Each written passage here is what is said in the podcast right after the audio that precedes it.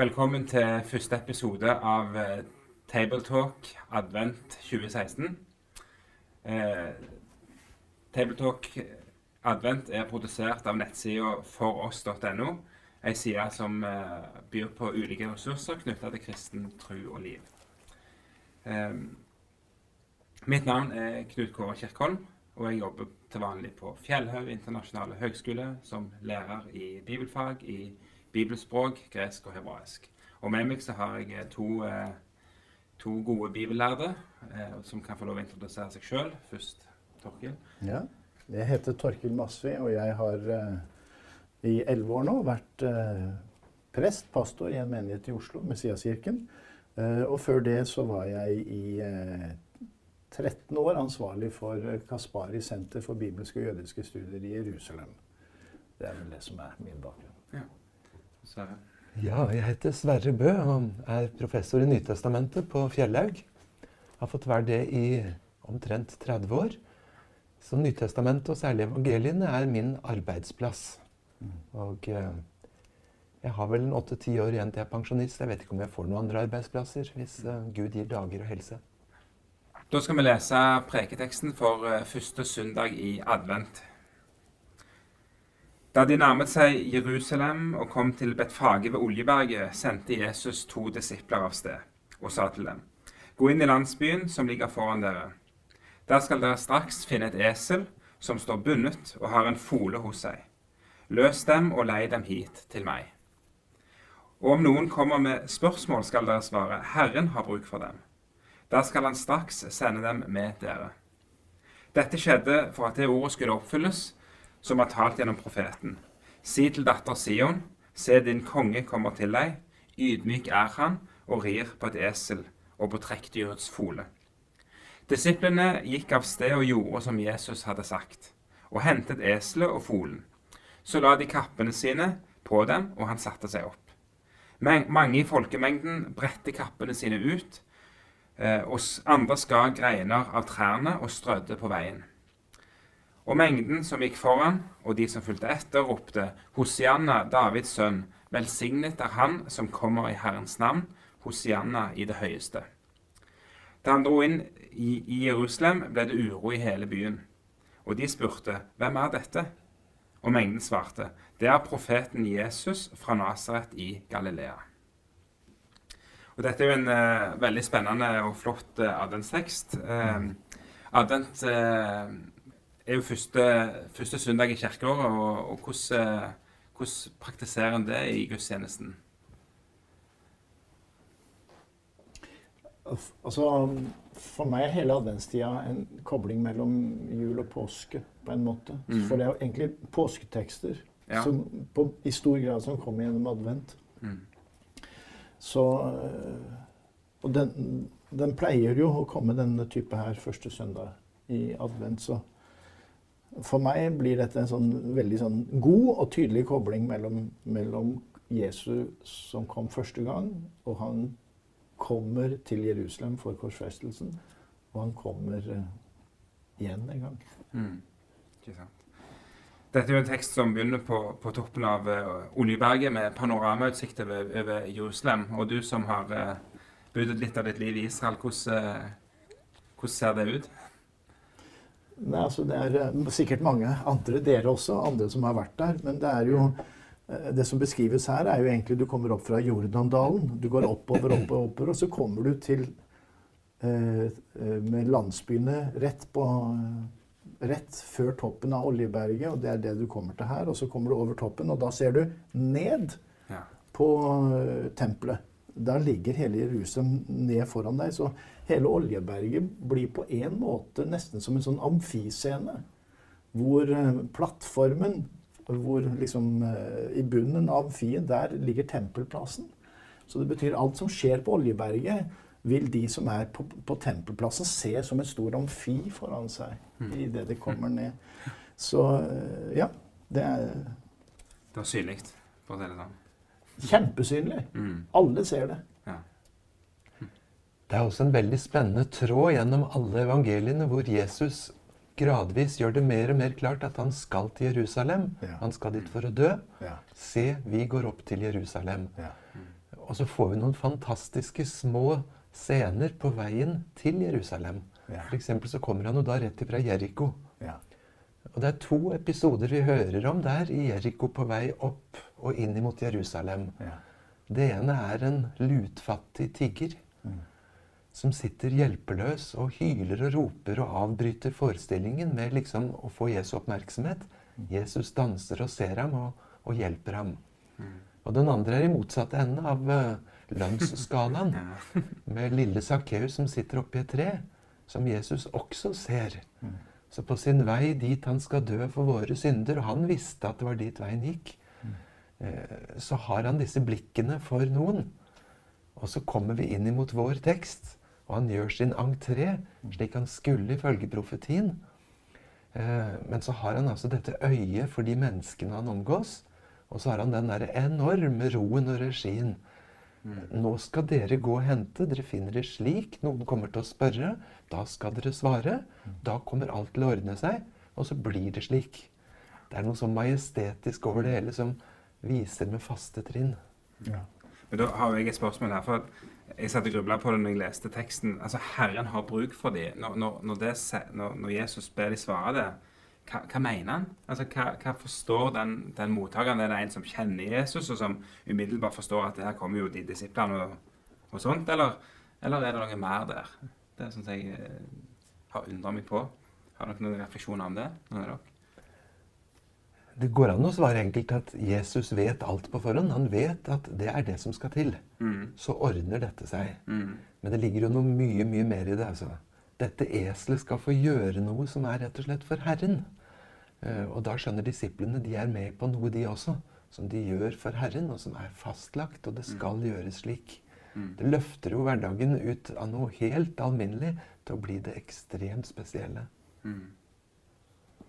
Vi, jeg tenker jo at egentlig spørsmålet ditt har jeg egentlig ikke svar på. eh, Fordi Jesus har en tilhengerskare her. Mm. Han har jo tre av sine beste venner Mm. boende i dette området. Ja, i? I Martha. Maria og Lasarus. Mm. Eh, og da er det nok flere som også liker Jesus og har sans for han. Mm.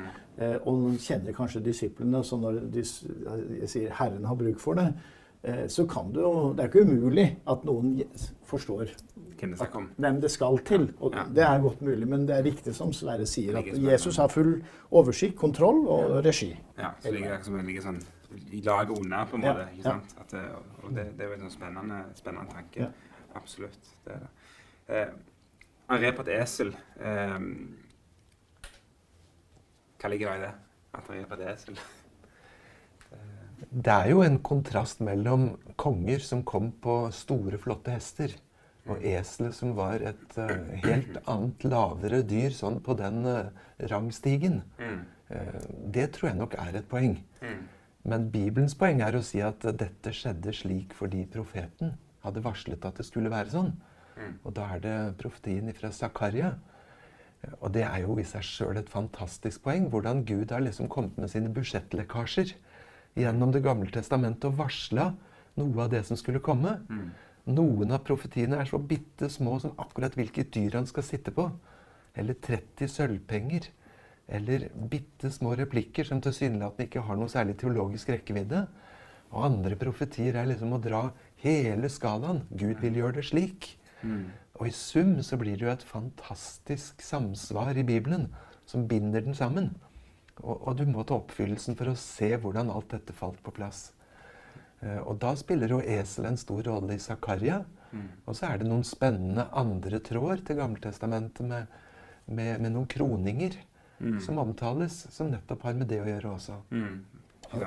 Altså, jeg, jeg tenker vel som så at eh, for romerne så vil dette være så kontrast at de bryr seg ikke om han. Nei, det er ikke trussel. Mm. For, for, for de tenker at du må komme med hest. Mm. Men jeg er ikke helt sikker på om folket her eh, oppfatter dette som et sånt lavstatusgreie. Fordi jeg tror de kan eh, kongehistorien sin godt nok til å vite at et esel, det er BMW. Ja. Kongens BMW. det er BMW, det er ikke Mercedes, hvor det er hesten, Ja. men det er ikke dårlig. Nei, Så, så det er ikke noe i denne her eselgreia som gjør at folk blir mindre entusiastiske og roper. Mm. Så eh, det, det er vel kanskje sånn langs de linjer jeg tenker. Men, men det er ikke sikkert at de ser for han, seg at han er så ydmyk. Det tror jeg de trenger Skriften til å se. Mm. Det må jeg tenke over det med BMW, for jeg har mer sett for meg dette eselet som en gammel rusten uh, moped som uh, humper seg opp Karl Johan liksom på 17. mai med kongen på. Uh, men det er med kontrasten til Johannes' åpenbaring 19, når han kommer tilbake. og kommer på den hvite hesten med kongers konge og herrers herre. Jeg syns det er noe i Bibelen selv som, som drar spennet mellom enten det er en BMW og en Mercedes, eller om det er en rusten moped. Ok. Eh, Og eh, Ja, ja. Men poenget ditt er jo å få fram er å si at eh, Og så sier jo egentlig du òg at det det er en, det er en kongehistorie som, som ligger bak, og som Ja, altså, I. Gammeltestamentet er, ikke, er, er ikke et esel et dårlig dyr Nei, for en sant. konge. Det Mm. er mm. Det- det anstendig dyr. Ja. Eh, sånn at egentlig tenker jeg vi på romers tid og vi nå, vi, for oss er det hest som er Mm. Ja. greia. Så- Men, eh, så jeg, jeg tror egentlig at eh, folk blir ikke liksom eh, deppa. Eller, altså, de, de, Mm. de, de ødelegger ikke for stemningen at han kommer på et esel, for det er det god historie på for dem. Ja, ikke sant. vel? Mm. Stemmer. Mm. Så roper de jo Hosianna, og de roper Davids sønn, og, og de, de eh, Det er tydelig at her, her, her forstår de og, og tenker at nå, nå skjer det noe veldig stort. Det, det er jo ingen tvil om.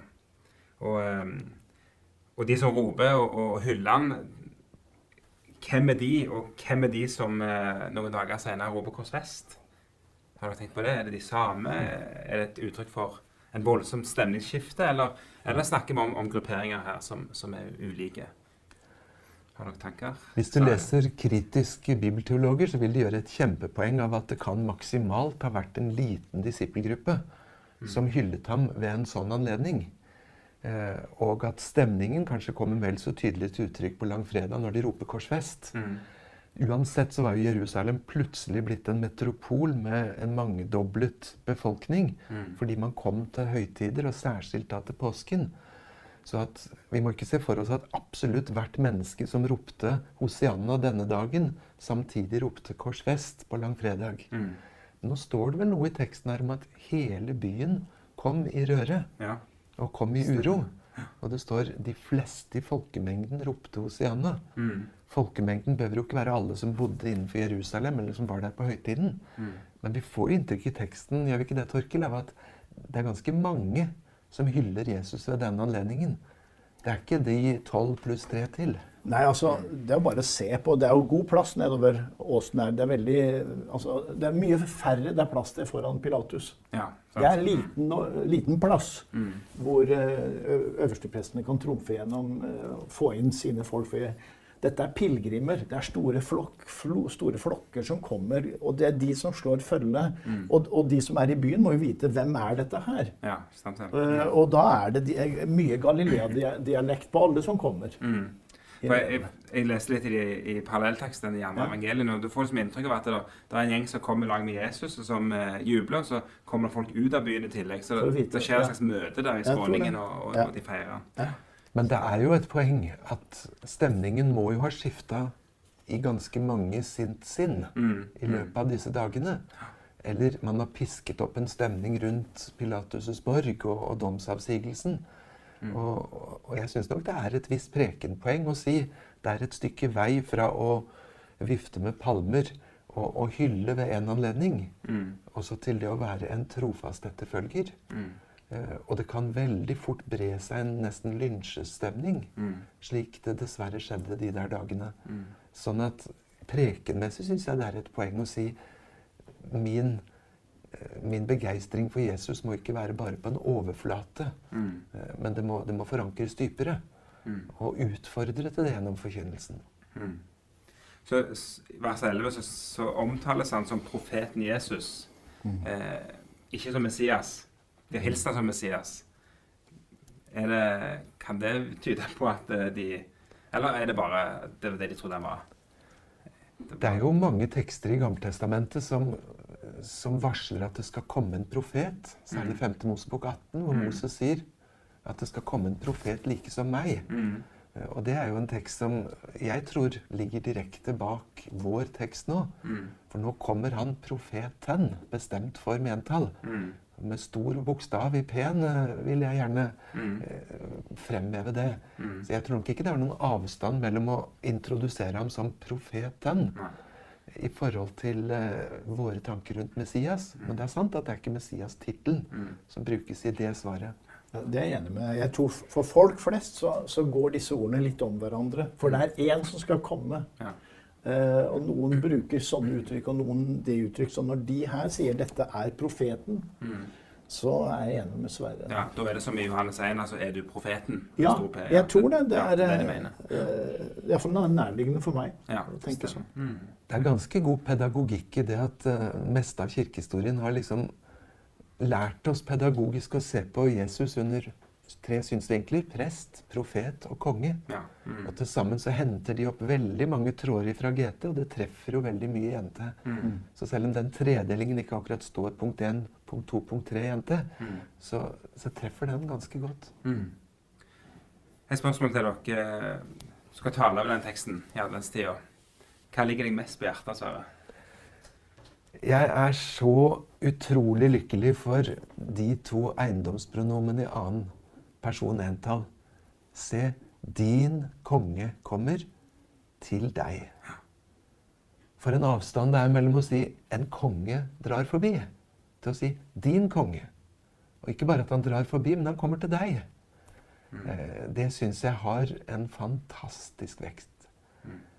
Det er min konge, og han kommer ikke bare for å illustrere noe eller for å vise all verden eller rydde på plass noe med Pilatus og noen motstandere. Han kommer til meg. Mm. Din konge kommer til deg. Og få ta det til ditt eget liv. Mm. Eh, Jeg syns ikke jeg har preka palmesøndag eller første søndag i advent uten å sette en strek på det. Altså, han kommer til meg. Til Som han kom til Sakkeus og den fattige Jeriko. Mm. På sin vei. Torkil, har du eh, noen særlige ting du har Nei, altså, jeg syns det er veldig godt poeng, det her. Ja, ja. Eh, og hvis vi bare tar sammenhengen til, til Gamletestamentet, så er det jo, virker det på meg som om byen på en måte har, eh, har vært under okkupasjon. Mm. Og nå kommer kongen Ja. og inntar det som egentlig var hans. Mm. Eh, og, så det blir jo i forlengelsen av det Sverre sier. Altså det er, eh, det er det samme poenget der. Da. Ja. Så jeg syns det er veldig flott. Få løfta fram det. Med det så vil jeg si hjertelig takk for i dag, og ønsker dere velkommen til å følge med oss i vår neste episode.